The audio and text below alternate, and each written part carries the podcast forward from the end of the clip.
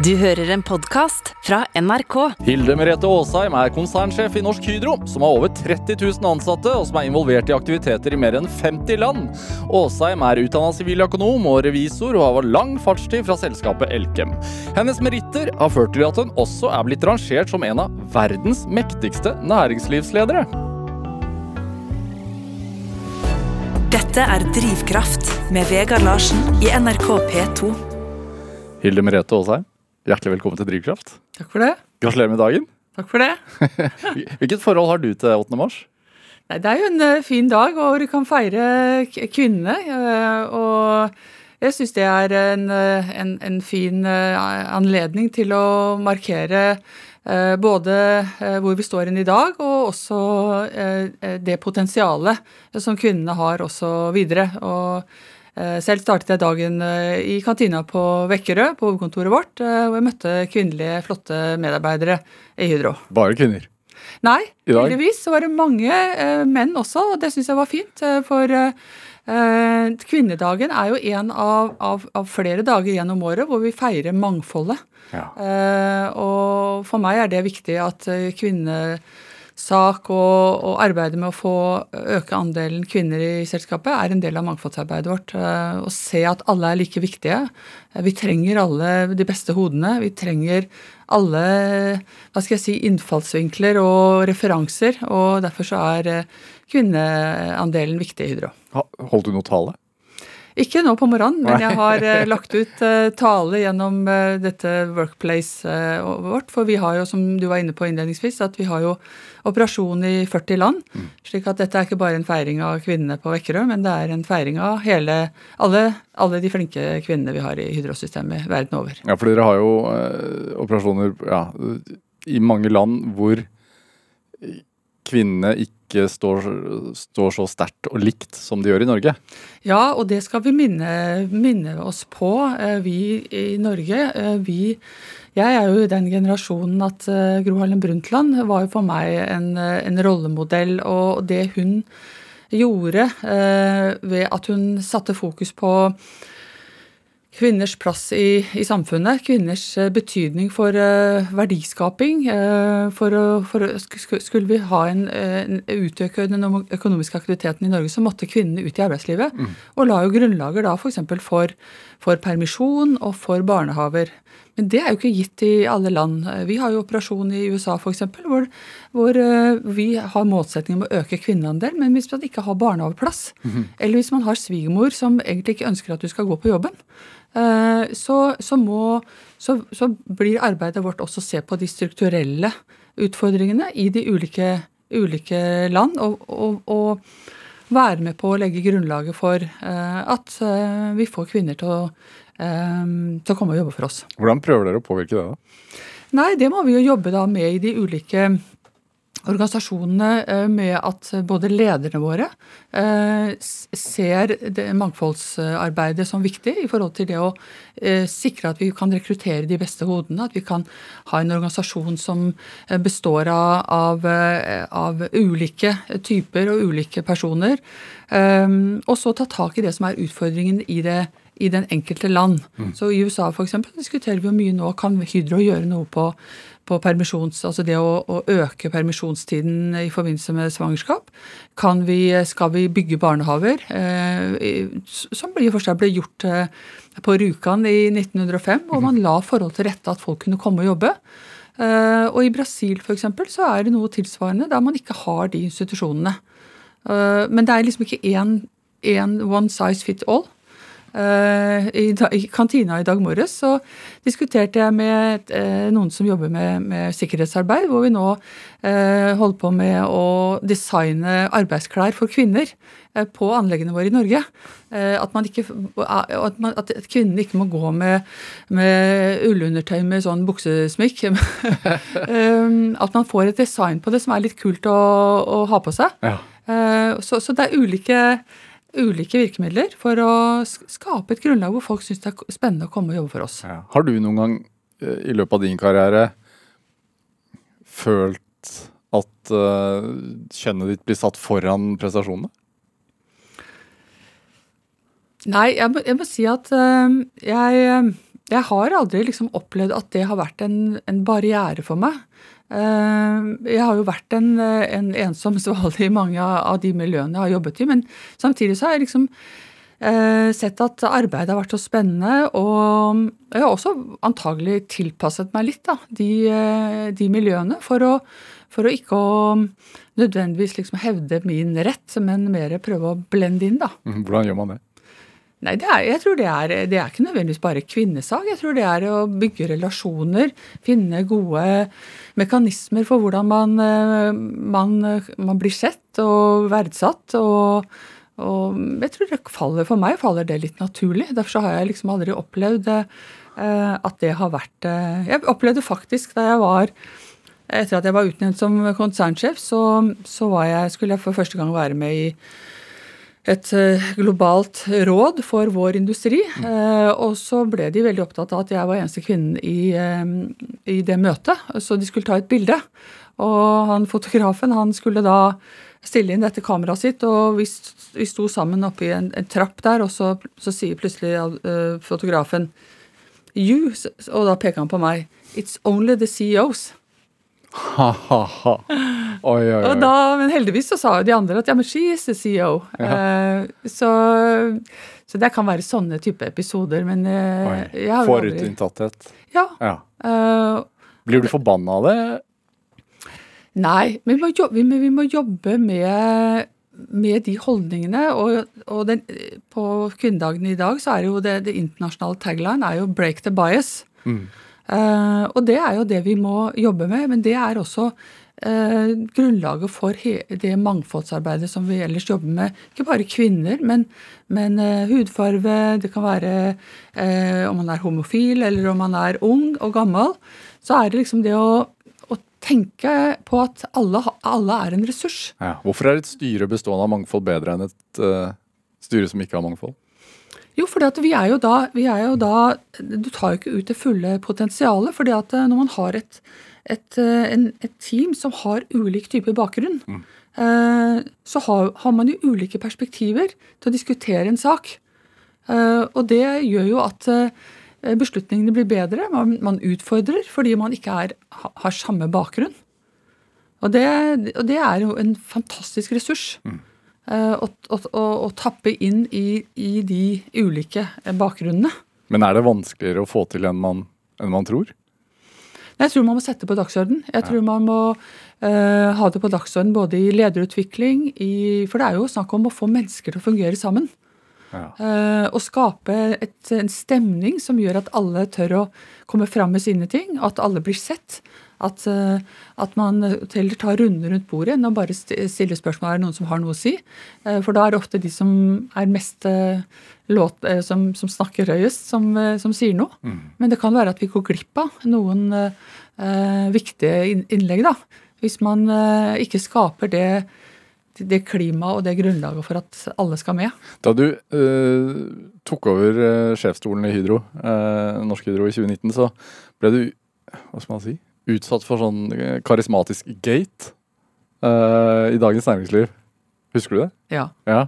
Hvor, hvor, en av en megler i, i aksjemegler i ABG, Sundal Colliere, beskrev det til kundene sine som lite karismatisk, men målretta og dyktig. Uh, kanskje ikke noe man ville skrevet om en mann? Nei. Eh, nei, det er jeg helt enig i. Men jeg brydde meg ikke noe om det, for det var så mange andre som kommenterte på det. Og, og eh, jeg Det er, jo forskjellig definisjon av hva som er karismatisk, men eh, jeg er ganske trygg på at jeg klarer å engasjere med den måten jeg er på. Og så får andre mene noe om karismatisk eller ikke. Så veldig, akkurat det brydde jeg meg veldig lite om. Ja. Men hvordan er, en, hvordan er en dag for konsernsjefen i Norsk Hydro? da? Og så Våkner du om morgenen og tenker i dag skal jeg få til masse Altså Hvordan, hvordan innstilling har du når du våkner? Ja, jeg, jeg, jeg, gjør nok det. At jeg starter om morgenen hva, hva, jeg skal levere på, hva jeg skal, hva jeg skal pa, pa, ha, være opptatt av akkurat den dagen. Uh, det er jo en veldig variert uh, agenda. Uh, nå er det jo forskjell på om det er pandemi eller ikke. For normalt i en, min hverdag så er jeg mye på farta. Eh, både til å besøke våre egne anlegg, men også i ulike assosiasjoner, altså i, foreninger, og, og, og, og, også det å være ute og påvirke eh, i forhold til rammevilkår, i forhold til myndighetskontakt. Så det er en, en ganske mangfoldig hverdag. men men jeg har jo hele tida fokus på hva, hva, vi skal levere på. Eh, og, være, og, jobbe i tråd med det vi ønsker å oppnå. Både i forhold til den langsiktige målsettingen og hva vi kan gjøre på kort sikt. Ja. Så jeg er, nok, eh, jeg er nok ganske på, altså. hva, hva, vil det si? jeg tror nok medarbeiderne ville si at, eh, at jeg, jeg, er ganske målretta, og jeg er, jeg er opptatt av å høre hvordan ting går. Opptatt av å være med å løse der det ting stopper opp. Til ned på detaljnivå, liksom? Eller eh, klarer du å Noen vil nok kanskje si at jeg er uh, litt for på. Uh, og da jeg, kan jeg få tilbakemelding på det, og det er fint, det. Mm. Men jeg tror at liksom det å Jeg tror veldig på det å vise engasjement. Uh, jeg tror gjennom det også skaper et trøkk, da. som er For vi konkurrerer jo i verdensmesterskapet hver dag. Mm. Og, og ledelse er jo balans, balansekunst. Det er liksom, det er hodet, men det er også hjertet. Uh, og det er det korte og det lange. Uh, og, og, og, jeg tror på det at folk liker å bli sett. Jeg tror at det å være en synlig leder skaper engasjement. Mm. Så Og så må, må, du på en måte også Eh, du må skape engasjement, men du må også være der og på en måte eh, Du må så, og du må luke. Du, Hva vil det eh, si? Ja, Det betyr at, at vi må hele tida ta, ta, tak i det som, som, som, ikke går bra, eller at vi, og hele tida være i en kontinuerlig forbedring. For et selskap som Hydro, som er 116 år, hadde ikke blitt 116 år hvis vi ikke hele tida hadde vært i utvikling. Mm. Og det det har jeg respekt for å være den tolvte konsernsjefen i forhold til det å, å drive Hydro videre. Og Dette er Drivkraft med Vegard Larsen i NRK P2. Og i dag er konsernsjef i Norsk Hydro Hilde Merete Aasheim her hos meg i Drivkraft på NRK P2. Er det altså Norsk Hydro, altså sånn aluminium og energi. Mm. Ja. Hva bruker man aluminium til? Oh, takk for det bortsett, spørsmålet. Bortsett fra aluminiumsfolien i, i, i, skapet. Takk for eh, det spørsmålet. Nei, aluminium er, eh, er, definert som et strategisk materiale i Europa i dag. Eh, fordi at med den verden vi står i nå, med, med fokus på dekarbonisering, elektrifisering, sirkulærøkonomi, så er aluminium en del av løsningen. For aluminium er nå med på å lettvekte bilene. Eh, for at bilen kan gå på elektriske batterier. Mm. Aluminium er med på å renovere eh, bygg gjennom hele Europa. Mye aluminium i bygg, kanskje ikke så mye i Norge, for vi har mye tre. Og, men ja, i, i, Europa og i verden for øvrig så er, går det mye aluminium inn i, i bygg. Og gjennom aluminium sine egenskaper, som er både lettvektig, for, lett formbart, korrosjonsbestandig og resirkulerbart, så um, går det mer og mer aluminium i bygg.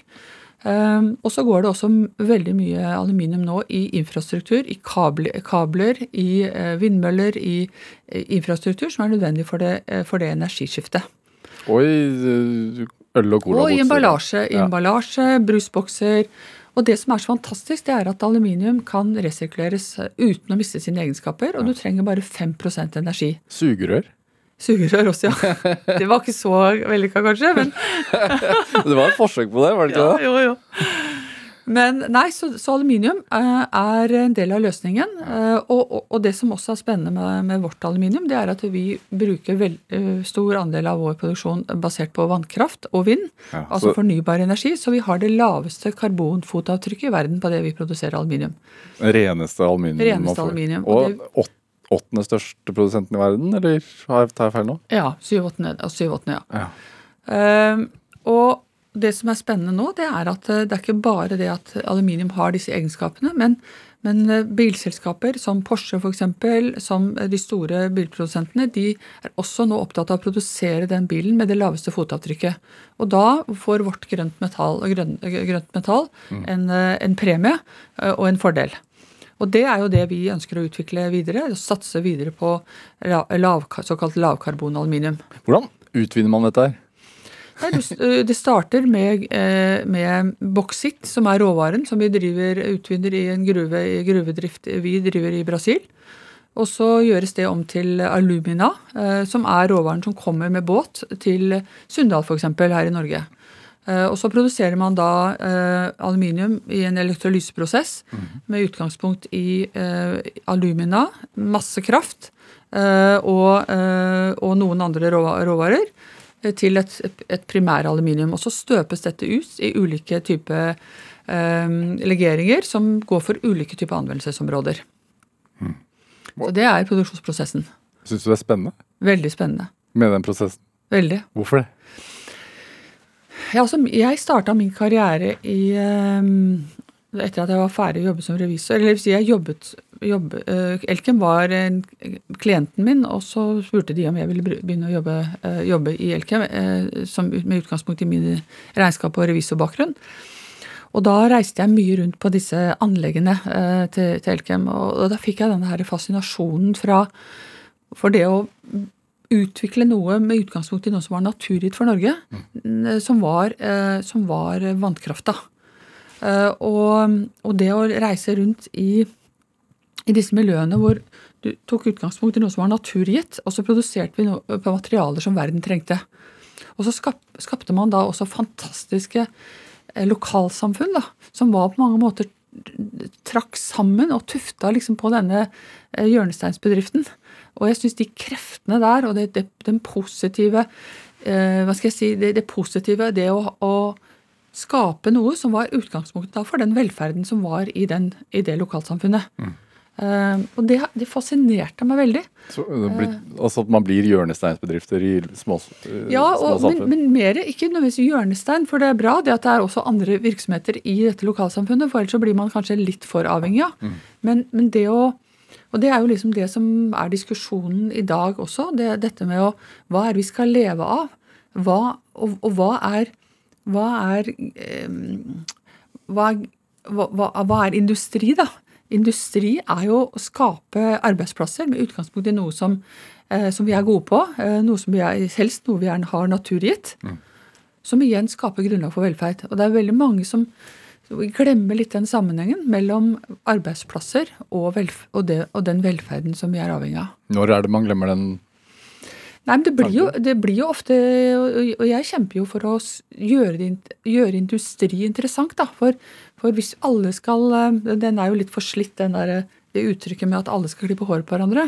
Vi ba, hvis vi skal bare drive service, mm -hmm. så, så, skaper vi kanskje ikke eh, grunnlaget, da Eh, for at vi har råd til å gå til frisøren eller har råd til å gå på teatret og har råd. Så, så, så, og jeg tror også I covid-perioden så tror jeg også det ble litt aktualisert at uh, disse anleggene her de gikk jo for fullt under covid. Klarer å drive dette uh, med utgangspunkt i at vi har kompetanse og arbeidsplasser. Hvordan står industrien seg i Norge i dag, tenker du? Veldig sterkt, ja. vil jeg si. Um, fordi at vi har, vi har jo vi har industrier som er verdensledende. Du har hele norsk prosessindustri, som er, som er, Hydro, men som er Alcoa, som er Elkem. Du har hele havbruksnæringa, som jo er kjempespennende, som også tar utgangspunkt i, i noe som er naturgitt. Du har hele olje- og gassindustrien. Alle disse tar jo utgangspunkt i noe som er naturgitt for Norge, som, som gjør at vi har et konkurransefortrinn. Mm. Og det er jo det vi må passe på å ta vare på. Mm. Men hva med utflagging, da?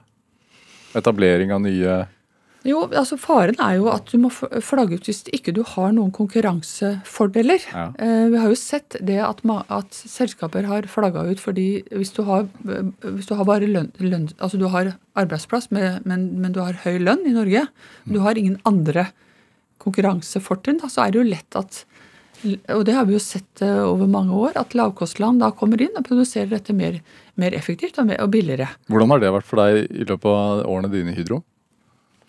Det som har vært viktig for oss, det har jo vært hele tida å drive et kontinuerlig forbedringsarbeid for å være best på det vi holder på med. For da er det ikke vi som må ta ut kapasitet. Da er det ikke vi som må stenge ned. Så det er å være best i den konkurransen du er i. Du må være på pallen hele tida.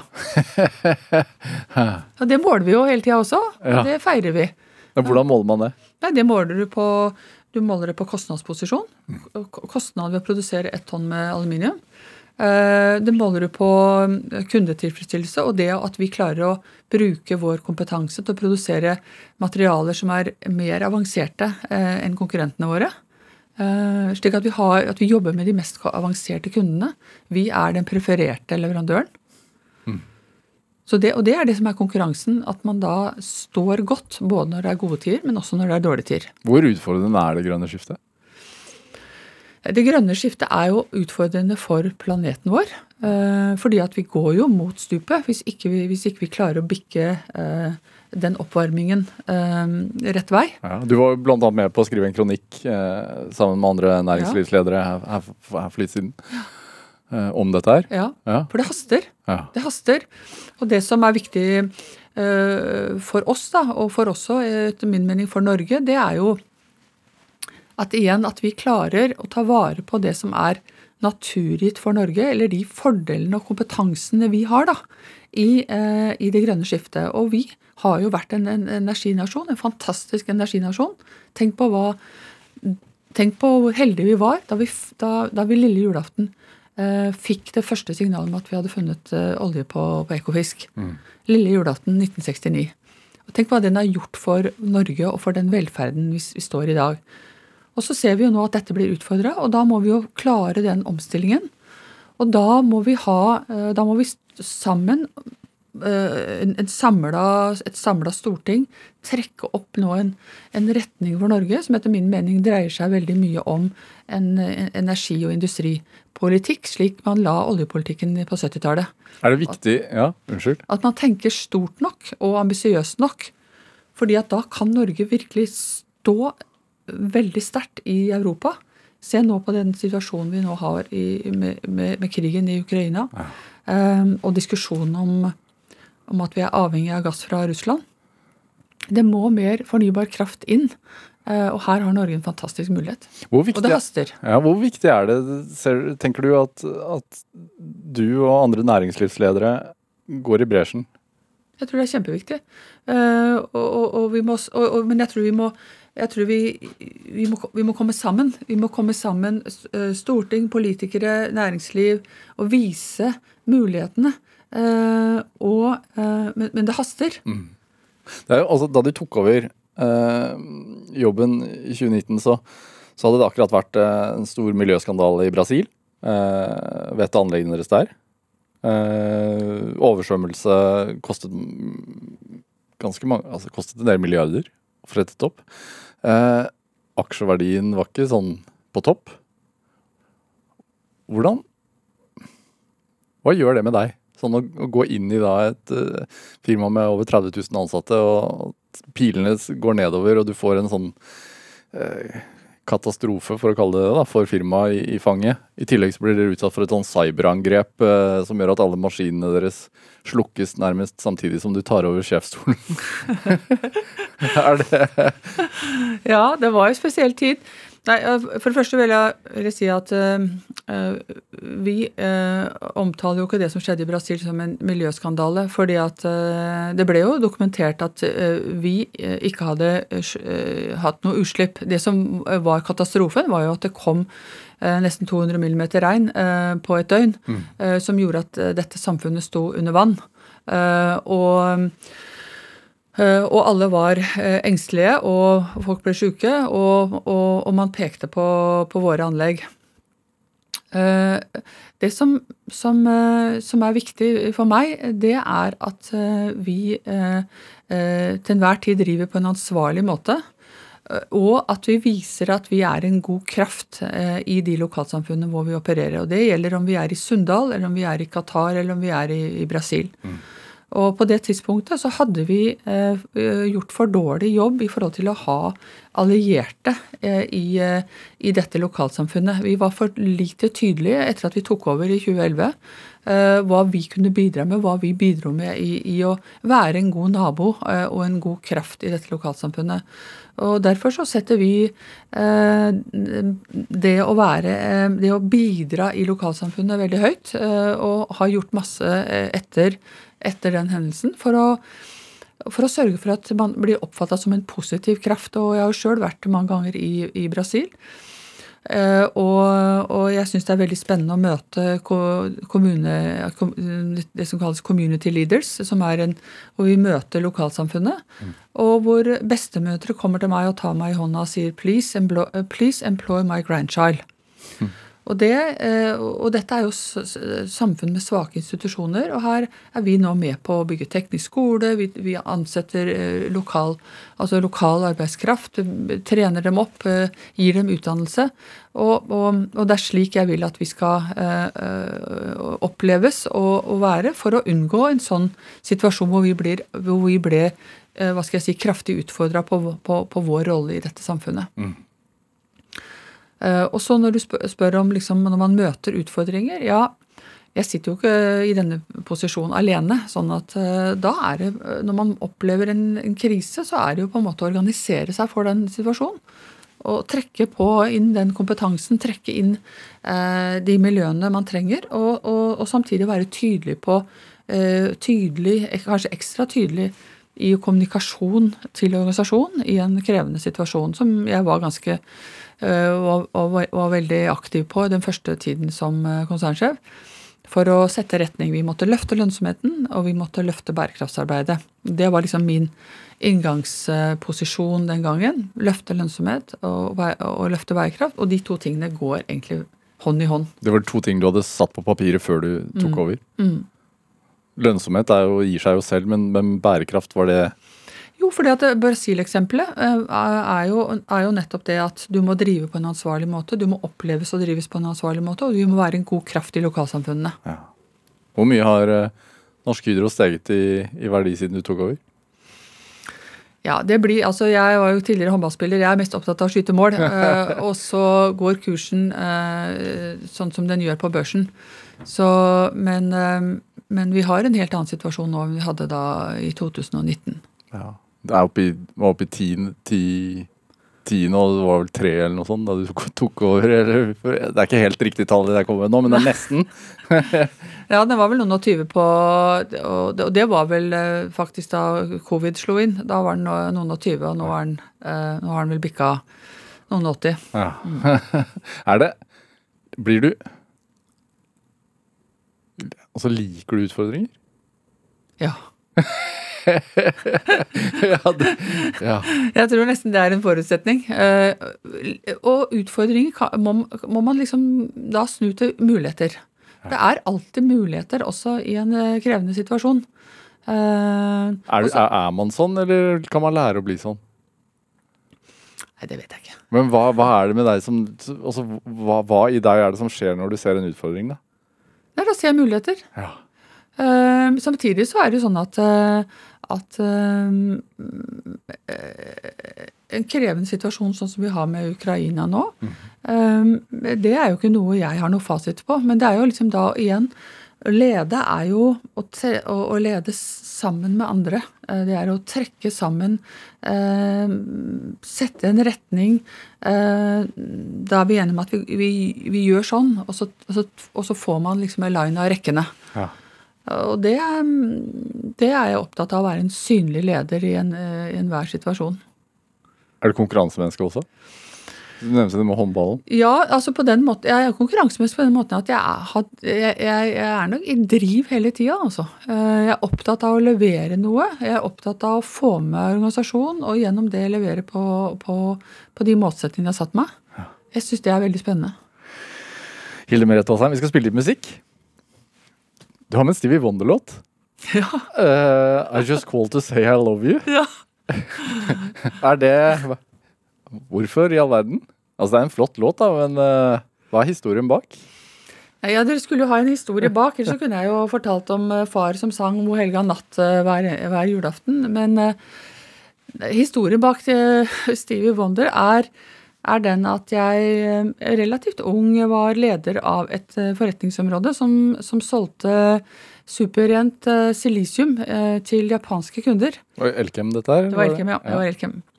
Og eh, disse japanske kundene de er, de er eh, langsiktige, og, og, i Japan så er, også, er relasjoner også veldig viktig. Mm. Og dette var veldig viktig for et av Elkems verk, å få eh, denne femårskontrakten i havn. Så vi var enige om at jeg skulle være med da, som øverste leder av dette forretningsområdet sammen med markedssjef og, og, og, de som var lokalt der. Og vi dro til Japan. og og vi, hadde, vi, var jo forberedt til tenna for å få denne kontrakten i havn. Og vi brukte tid ute på, på verket deres. Vi hadde møter med ledelsen. Uh, og jeg syns det gikk egentlig ganske bra. Hvor nervøs er man før sånne ting? Hva sier du? Hvor nervøs er, man, er du når du er Nei, det, jeg var ikke nervøs. Eh, Nei. Jeg var godt forberedt. Ja. Det er noe av utgangspunktet for å ikke være nervøs. Det er å være godt forberedt. Så um, jeg syns det gikk bra, så, men så sier de at ja, da skulle vi ha middag. Og, og, det var da vi satt på sånne puter og spiste sånne rå makrellskiver, ganske tjukke makrellskiver. Eh, med sånn varm og kald sånn sake som man drikker med. Og, og, og, jeg må si at jeg sleit veldig med de makrellskivene. Eh, men jeg fikk veldig kontakt med han som var sjefen for dette selskapet. Og, og han var veldig også, eh, apropos kvinnedagen, han var også veldig opptatt av å høre med meg hva slags utdannelse jeg hadde, og hvordan jeg hadde kommet dit jeg var. Fordi han hadde en datter som, gjerne, eh, som, som gjerne ville utdanne seg, og, han ville høre hvordan dette var for kvinner da, å ta en lang utdannelse. Og jeg syns det også gikk veldig fint, så jeg tenkte nå kommer snart fyllepennen fram. Um, Fordi man signerer på, på, ja, på restauranten? Jeg så jo fyllepennene sto, på innerlomma av disse gutta. Og så, nei. Uh, da vi var ferdig med middag, så kom vi ut av dette lokalet, og da sto det to blankpussa uh, sorte biler med japansk og norsk flagg, og som tok oss av sted. Og, og, så kom vi da inn i en bar. Uh, og jeg skjønte jo da at dette var en sånn karaokebar, da. Og, det, og, dette er jo mange år siden, og jeg, hadde aldri vært på karaokebar. Og, og, men de japanere var jo veldig ivrige, så de, var, de, gikk jo den ene etter den andre gikk jo opp på podiet og var Frank Sinatra og, veldig kry at de kunne synge. Og jeg i min naivitet, jeg satt liksom og Ja, jeg tenkte dette må jeg jo bare eh, liksom skryte litt av, da, sånn at jeg får den kontrakten i havn. Eh, men plutselig så så de på meg. Og så sa han markedssjefen at Tilde, nå må du synge. Nei, altså, ærlig talt, altså, det hadde jeg aldri vært med på. Jo da, så kom de fram med en svær sånn telefonkatalog, nesten. Og jeg vet, jeg vet, ikke hvor jeg fikk de kreftene fra, for dette, den boken bare åpnet seg. Og det eneste jeg så, det var I Just Call To Say I Love You. Ja. Og den sang vi. Jeg, jeg sa til han markedssjefen at du må kore. Eh, jeg sang den sangen. Og vi var ferdig med det så kom fyllepenn fram og signa på hele dokumentet. Og vi dro rett hjem. Ja. Og rett til verket. Og det var stor feiring på verket, De hadde sikra fem års uh, salgsvolum. Uh, og da fremførte du den på nytt, eller? Nei. Nei. og jeg sier jeg, jeg, synger bare karaoke i Japan. Ja. Du, vi har fått tak i opptaket fra Japan. Nei da, vi har ikke det. Men hvordan er det for deg å høre låten nå? Jo, den er fin. Den, ja. den ligger fint i mitt toneleie. Ja.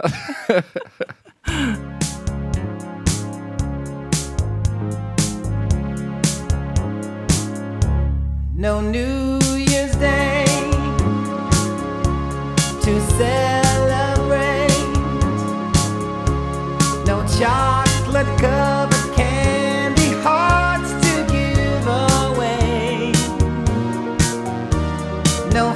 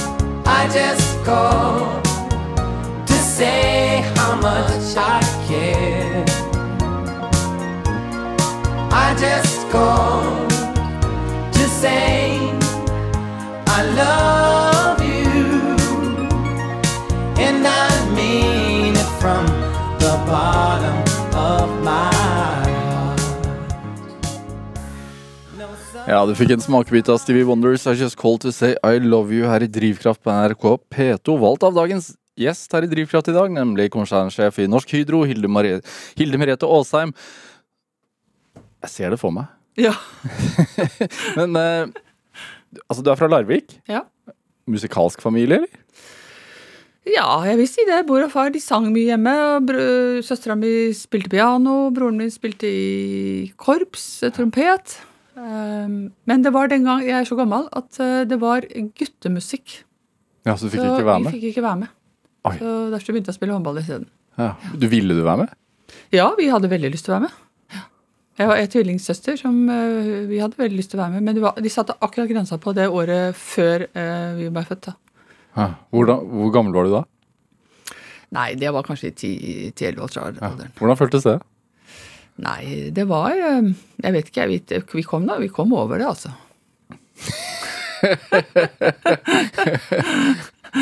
Men far, var, far gikk aktivt inn for å skulle endre på dette, her, så, så, men det var bare det at eh, de satte grensa ett år feil. Ja.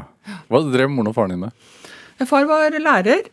Øh, overlærer også, som det het den gangen. Og mor var hjemme. Vi var fire barn. Ja. Mm. Skulle du bli lærer også? Ja. Eldstesøstera mi eh, var lærer, eller ble lærer. Og jeg skulle bli lærer, og jeg hadde, jeg hadde, vi hadde en sånn lekestue i, i gården hjemme. Og der hadde jeg eh, ungene i gata på skole. Eh, matteoppgaver og skriving, og jeg retta og, og fikk gamle skolebøker av far. Lederrollen allerede som ung? Ja, det var vel ikke, Jeg tenkte kanskje ikke så mye på det, men det var kanskje noe der. altså. Det skapte interesse for uh, ungen i gata. Hva har de lært deg, tror du, som du har tatt med deg? Moren og faren din? Ja, For det første så har jeg lært uh,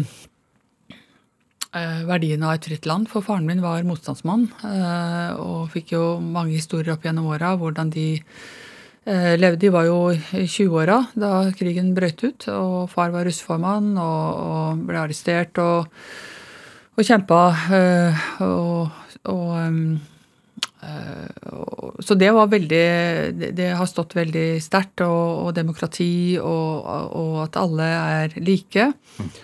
Eh, og, og var jo relativt god orden hjemme, da. Uh, så liksom orden og rede, og det har nok fulgt meg også. Du skal, og du skal ikke Hva vil det si, at det var relativt god orden hjemme? Nei, det var struktur, og det var eh, Hva, hva vil det si? Altså, Ja. Brettekanter i skapene. Uh, Ja, det var, eh, det var eh, treretters middag. Mor var hjemme og laga liksom Vi hadde suppe, og vi hadde Hver dag? Ja, hver dag. Hver dag. Og, og arbeidsdelingen mellom far og mor var veldig tydelig. Men, men det som var viktig for, som vi ungene fikk med oss, var jo også at far uh, var, satte liksom mors arbeid like viktig som hans. Så de hadde liksom, de var et team, og de delte på de oppgavene. Og, eh, og, det var, og den gangen så hadde man jo navnet i telefonkatalogen. Det var mors navn som sto i telefonkatalogen, for han mente at det- For der, den gangen var ikke kvinnene sto ikke i telefonkatalogen. Nei. Så har nok fått det- det med også, at man, ikke, at man var like. da, At vi skulle ha like muligheter. Hvorfor var det viktig for han, tror du, at, å, å lære dere det og gi det, å være et sånn type forbilde? Faren min var også, han var også en god leder. eh, Det har jeg hørt øh, i ettertid. Og, og at han også var veldig Han var, var en, en øh, opptatt av folk, og det er jo liksom mitt øh, Har vært liksom mitt Mine øh, egenskaper òg, da. Det å, det å være en people-person. da, Være opptatt av å se folk. Eh, ledelse kan man jo egentlig dele opp i tre. Le og dele og se. Og, så, og det, så det å være synlig, det å engasjere Far også sånn, den type leder. Så jeg fikk med meg det, og så, og så var det Man, var, eh, holdt seg godt innafor si, lov, og, lov og orden. Selv om altså, faren din var motstandsmann, og, og fikk han noen utmerkelser for det? Han, eh, han fikk et eh, stipend, eh, dette Tronstad-fondet. Han som ble skutt bare noen dager før krigen var slutt. eh, Leif Tronstad. eh, Så han dro til Amerika eh, for å studere eh, engelsk og filologi. Ja. Ja. ja. Så, men, han, men, men, eh, men, han, var egentlig ikke så opptatt av det. Han var ikke opptatt av å få uh, utmerkelser og bli fremheva. Er du det? Ikke, ikke, som egen person. Jeg er opptatt av at Hydro eh, står godt. Jeg er opptatt av at vi som selskap eh, At folk snakker varmt om oss, snakker godt om oss, at, folk, at, ansatte trives. Men jeg er ikke opptatt av egen, egen person. Liker du å få ros, da? Ja, det tror jeg vi gjør alle sammen. Eh, det syns jeg er veldig stas. Og, og, men det er jo liksom denne balansen, da. Rose, og samtidig liksom da også plukke opp hva kunne, hva kunne man gjort bedre. Mm. Det er jeg også opptatt av. Alltid?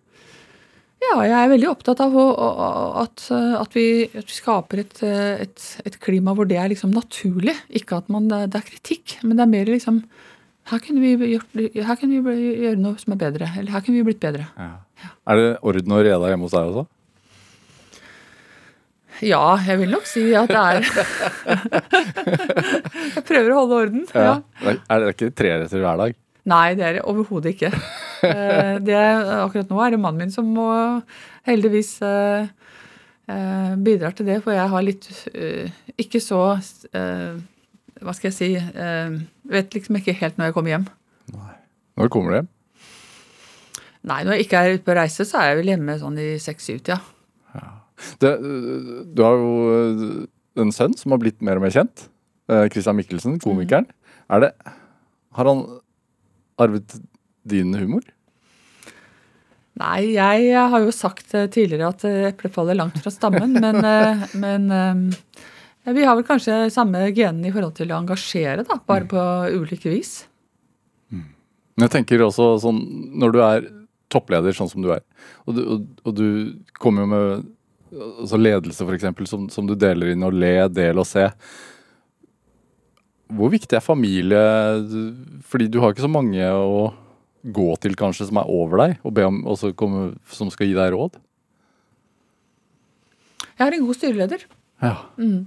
Og den funksjonen der er ekstremt viktig.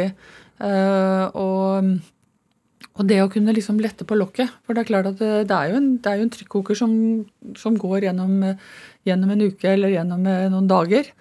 Og, det, og, og, der er styreleders funksjon veldig viktig. Og der har jeg vært heldig, for styrelederen i Hydro han eh, setter av tid til meg når jeg føler behov for å, å ta en prat. Og, og, det å bare det å dele da med noen mm. uh, Det du, det bør ikke være et problem, men det kan være at jeg tenker litt på det, eller jeg jeg opplevde det. Og, og, og, det er lettere å gjøre det med en som på en måte tross alt har vår referanse. da. Mm. Uh, for når jeg kommer hjem, så, så, er det egentlig deilig å på en måte snakke om noe annet. Ja. Ja. du har jo jobbet deg opp fra gulvet, holdt jeg på å si nesten. Altså, mm. Du er utdannet uh, siviløkonom og revisor. Mm. Uh, som jo altså En revisor uh, er jo ikke nødvendigvis en toppleder i, i Norsk Hydro. Hva, gir det å, å, gå stegene? Det har vært veldig viktig for meg. fordi at Og det, det sier jeg også til Eh, og det jobber vi jo mye med også i, i, Hydro i forhold til det å få til rotasjon. Det å, det å skaffe seg ulik type eksponering mm. gjør jo at, det, at, Og den ryggsekken er ikke tung å bære. Det at man har jobba i produksjon man, eller operasjon, man har jobbet, vært i markedet, man har møtt kunder, man har jobbet i stab, man har jobba i linje. Og hvert av de trinnene så har, har man fått med seg noe mm. eh, som er verdifullt eh, på neste, neste steg. Og så er det sånn at da blir ikke stegene så store heller, sånn at det er ikke så skummelt å ta, ta, de, eh, ta de, nye eh, mulighetene. Selv om jeg tror også man skal, skal være liksom nysgjerrig og tørre å ta noen sprang. da. Tørre å, og jeg har vært heldig med at jeg har fått, hatt ledere som har sett meg. Mm. Uh, og som har gitt meg uh, muligheter gjennom at Hilde, du burde kanskje gå ta den jobben nå. du burde. Og det har jeg tenkt mye på. Uh, at det er jo sånn vi, led, sånn vi, som ledere også i dag må være i, i det å i, Man snakker om karriereløp, men, men, men, men, det er vanskelig å legge liksom helt konkrete karriereløp. Men, det å se en person som gjør en god jobb i dag, hva, hva er neste trinn? Mm. Og når en, når en, sånn mulighet åpner seg, så, eh, så bør man liksom være litt på selgeren. Liksom, kunne du tenke deg den? Og jeg tror spesielt kanskje for kvinner. For jeg har snakket med mange kvinner nå den senere tid for, være, for at jeg er nysgjerrig på hvordan skal vi få kvinner til å ta lederjobber spesielt. Og da er det liksom det at, og selv har jeg liksom erfart det at jeg har trengt det der lille kicket fra, eller lille spørsmålet fra overordna. Burde, ikke du- burde ikke du ta den jobben? Ja, når, når han mener at jeg burde det, så kanskje det er noe å reflektere på. Selv om jeg ikke selv hadde tenkt på det. Nei. Så, så, så Eller ikke turt å tenke det, eller ikke tenkt på det i det hele tatt. Ja, eh, om det er turt, eller om det, man liksom ikke har tenkt eh, at andre ser at jeg kunne gjøre den jobben, da. Hvor startet din karrierevei sånn du ser det? Altså sånn ditt første steg på denne stigen som du nå er på toppen på? Ja, eh, den, og den karrieren den har jo vært litt sånn Jeg begynte jo, som du, som du sier, som statsautorisert revisor, og så begynte jeg i Elkem som, med ansvar for konsernregnskap. Og så, og, og så fikk jeg spørsmål om jeg ville da bli økonomidirektør i et av forretningsområdene. Og så var jeg da åtte måneder gravid eh, med Christian Fredrik, da. Så fikk jeg spørsmål om jeg kunne komme opp og drikke kaffe med konsernsjefen i Elkem. Eh, og da Mens du var gravid. mens jeg var gravid og ja. skulle ut i permisjon, så spurte han om jeg ville bli personaldirektør for Elkem. Fordi, og, og så sa jeg men vil du ha en økonom til det, da?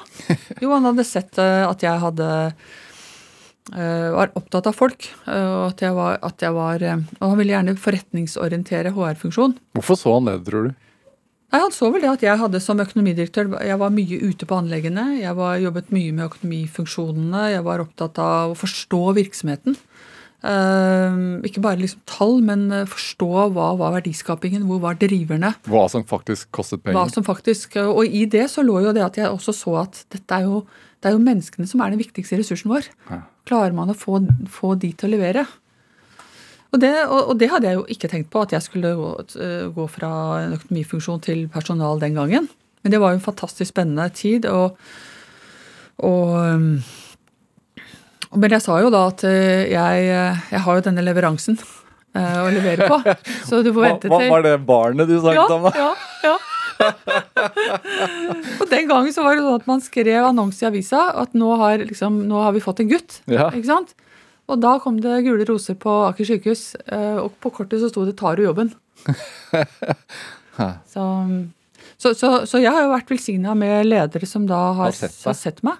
Og, og, um, og jeg har jo vært verksjef i Mosjøen på en kort periode. Jeg har vært eh, leder for et forretningsområde da i Elkem-tida. Og, og i, i Hydro så har jeg jobba både i stab og, og, og linje. Og, og fikk også mulighet til å lede denne store integrasjonen mellom Statoil og Hydro den gangen. Så, så jeg har fått muligheter, og, tatt de. Er det Hvor viktig er det å våge? Jo, jeg tror det er kjempeviktig, og der er vi kvinner kanskje litt eh, Vi skal liksom være ganske gode, og vi skal være sikre på det vi gjør. eh, og det er derfor jeg sier at eh, noe av det jeg har bestemt meg for, det er liksom å være mye mer eh, på jakt da, og, og et, etter talentene, og også gi, de, gi muligheter. Så Det er en viktig del av, av mangfoldsarbeidet. eh, Det å, å se organisasjonen, skape grunnlag for at folk trives, og at vi også gir dem nye muligheter. Er det tid til å lære underveis? Absolutt. Ja. Absolutt. Livet er jo en lang læring. Og det å tørre da å eksponere seg for ulike ting, gjør jo at du, du, du står jo mye Altså, du har jo mye mer å fare med. Hvordan? Det, det, det var uh, verkstedsjef, for eksempel. Verkstedsjef. Ja, Verk har- hva, var ikke Verks, verkssjef. Ja, ja ver, ver, ver, verksjef, ja. Ja. Unnskyld. Skrivefeil i mitt dokument her. Er, det- er ganske langt fra å være revisor. ja. Ja, Altså, Og jeg husker da jeg kom opp der og så, For da, går, da har du vernesko på, og Ja, bodde i verkstedboligen, Ja. jeg og, og som lå litt høyt oppe, så jeg så utover det svære anlegget. Mm. Og da tenkte jeg at, eh, at du herre min hatt, dette har jeg ansvar for. Og jeg la meg nesten med verneskoa på, i tilfelle det skulle skje noe om natta. Ja, hva For gjorde du dette er jo eh, produksjon som går hele døgnet. Ja, og hva gjør man? Altså, hva, hva er arbeidsoppgaven da? Nei, Verksjef er jo å lede dette verket med liksom å få, få alt til å fungere. Fra råvarene kommer inn med båt til, øh, til ferdigvarene går ut med båt. Og, og igjen så er det jo å engasjere Det er jo mange eh, avdelinger og mange ulike eh, deler av den verdikjeden da, som skal, som skal eh, fungere optimalt. Det er jo bare ett svakt punkt som gjør at vi må ringe og si at nå kommer ikke metallet til kunden. Så, så det er igjen å, å forstå, forstå, virksomheten og forstå eh, at denne virksomheten må jo, må jo, være satt i et system for at det skal kunne samvirke. Mm. Så det og, og, det, og, det, å være ute, sitte i krana sammen med operatøren og se hvordan de og Det syns jeg er kjempespennende. se hvor, hvor, hvor, Med den innlevelsen og den presisjonen de gjør jobben sin, og så stolte som de er. Det syns jeg er kjempespennende, om det er å sitte i krana når vi laster båten, eller om det er å sitte i krana når vi trekker kullet på elektrolysen. Mm. Det syns jeg er veldig givende. Og selv fortsatt som øverste sjef så, så legger jeg opp til at jeg får være noe ute. Hvilken utfordring er det du har stått i som har gitt deg størst hodepine? Den vanskeligste delen av jobben det er å ha ansvaret for uh, over 30 000 mennesker og sikre at de kommer hele hjem hver eneste dag. Og det er, uh, det er det, det verste som kan skje når du får den telefonen uh, tidlig på søndagsmorgen eller om natta. Da er det som regel gode nyheter som folk ringer om. Eh, og hører at eh, en av kollegaene våre er i, i luftambulansen på vei, og vi vet ikke om vi berger. Mm. Og, og, jeg hadde en dødsulykke tidlig i min karriere hvor, uh, hvor jeg var med og, og, og, bar ut, altså. Og det, det er vanskelig for å snakke om. Mm.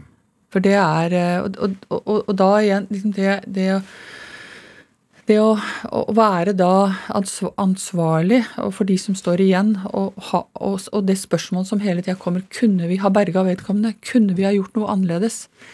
Eh, var det en kultur i den avdelingen som gjorde at de, de, de, de kutta hjørnene? Mm. Um, og det er eh, det er noe av det viktigste for meg. Det er å sørge for at vi har ledere som Igjen dreier jo det seg om eh, verdiene våre. Altså det er, det er å uh, bry seg. Altså å, å, genuint være opptatt av menneskene, som er den viktigste ressursen vi har. Uh, det, og, og, så har vi mot, og så har vi samarbeid. Og, og, og vi må ha ledere som, som, som er autentiske, altså som liksom Som har et felt leadership, som vi sier. Da. Du kan jo lære deg mye av dette mm. og, og, si de rette ordene, men du må vise at jeg bryr meg om deg. Jeg er opptatt av at du kommer helt hjem igjen. Jeg vet du har to unger, eller du har eh, De venter på deg. Mm. Eh, og, og, og, da gjennom, gjennom liksom hele vår organisasjon at det er noen som passer på at det skjer på en, eh, på en god måte. Det er det vanskeligste. Mm. Føler du at som med så mange ansatte som dere har, så er det jo man får jo ikke noe personlig forhold til alle, selvfølgelig, men, men føler du likevel at at du viser omsorg, eller at det er viktig for deg at du viser omsorg for mm. alle? Mm. Veldig viktig. Ja. Og, det, og det, bruker jeg mye av min kommunikasjon på når jeg sender ut videoer, når jeg sender ut meldinger til organisasjonen. Så er det, så er det å vise det. og, og og nå den seinere tid så har det jo vært eh, mye rundt covid. At vi bryr oss eh, om at eh, folk er friske, men vi bryr oss om deres familier. Slik at vi legger opp til at vi holder smitten ute. Nå i Ukraina-situasjonen så jeg, ringer jeg til verkssjefene våre i Polen og ser til at Og er veldig imponert over hvordan vi nå har mobilisert. For vi har 400 ukrainere som jobber på våre polske anlegg. Mm. Og, de, eh, de jobber, og vår organisasjon jobber nå for å få forena familiene til de som jobber hos oss. Og, og, og, da er jeg veldig opptatt av å synliggjøre at dette er viktig for Hydro å være med på, dette er viktig å støtte. Mm. Så, så, for vi er Det er på en måte en familie. Hvordan er det da de gangene man må, må gjøre kutt? Jo, det er også viktig. Og det, men det som jeg har vært opptatt av i mitt lederskap, det har jo vært at endring eh, altså det, jeg, jeg, tror folk er, er, med på å forstå endring, eller være med på endring hvis de forstår hvorfor. Mm. Eh, og det er også viktig at eh, vi driver dette endringsarbeidet kontinuerlig, slik at vi er så gode på den kostnadskurven at vi opprettholder posisjonen vår i markedet, slik at vi kanskje unngår å komme i en sånn krisesituasjon at vi må stenge ned. Men når vi må det, og det har jeg også gjort, så er det viktig da at, at vi, at vi gjøre alt vi kan for å hjelpe til på at den, på en sånn endring skjer eh, så, så, godt som mulig. og At vi støtter de som også da eh, må ut. Mm. Hilde Merete Aasheim, hva, hva, tenker du er, er din drivkraft? Menneskene. Eh, det å få med seg en organisasjon og få den, kjenne den kraften da, mm. i at man får, man får jo ikke noe til aleine. Eh, men menneskene er jo det unike i enhver organisasjon. Og det å få de med, og det er, det er jo derfor mangfoldsarbeidet også er så viktig. Det er derfor kvinnearbeidet er viktig. At vi får med alle, og at alle kommer på jobben og trives i å være i Hydro.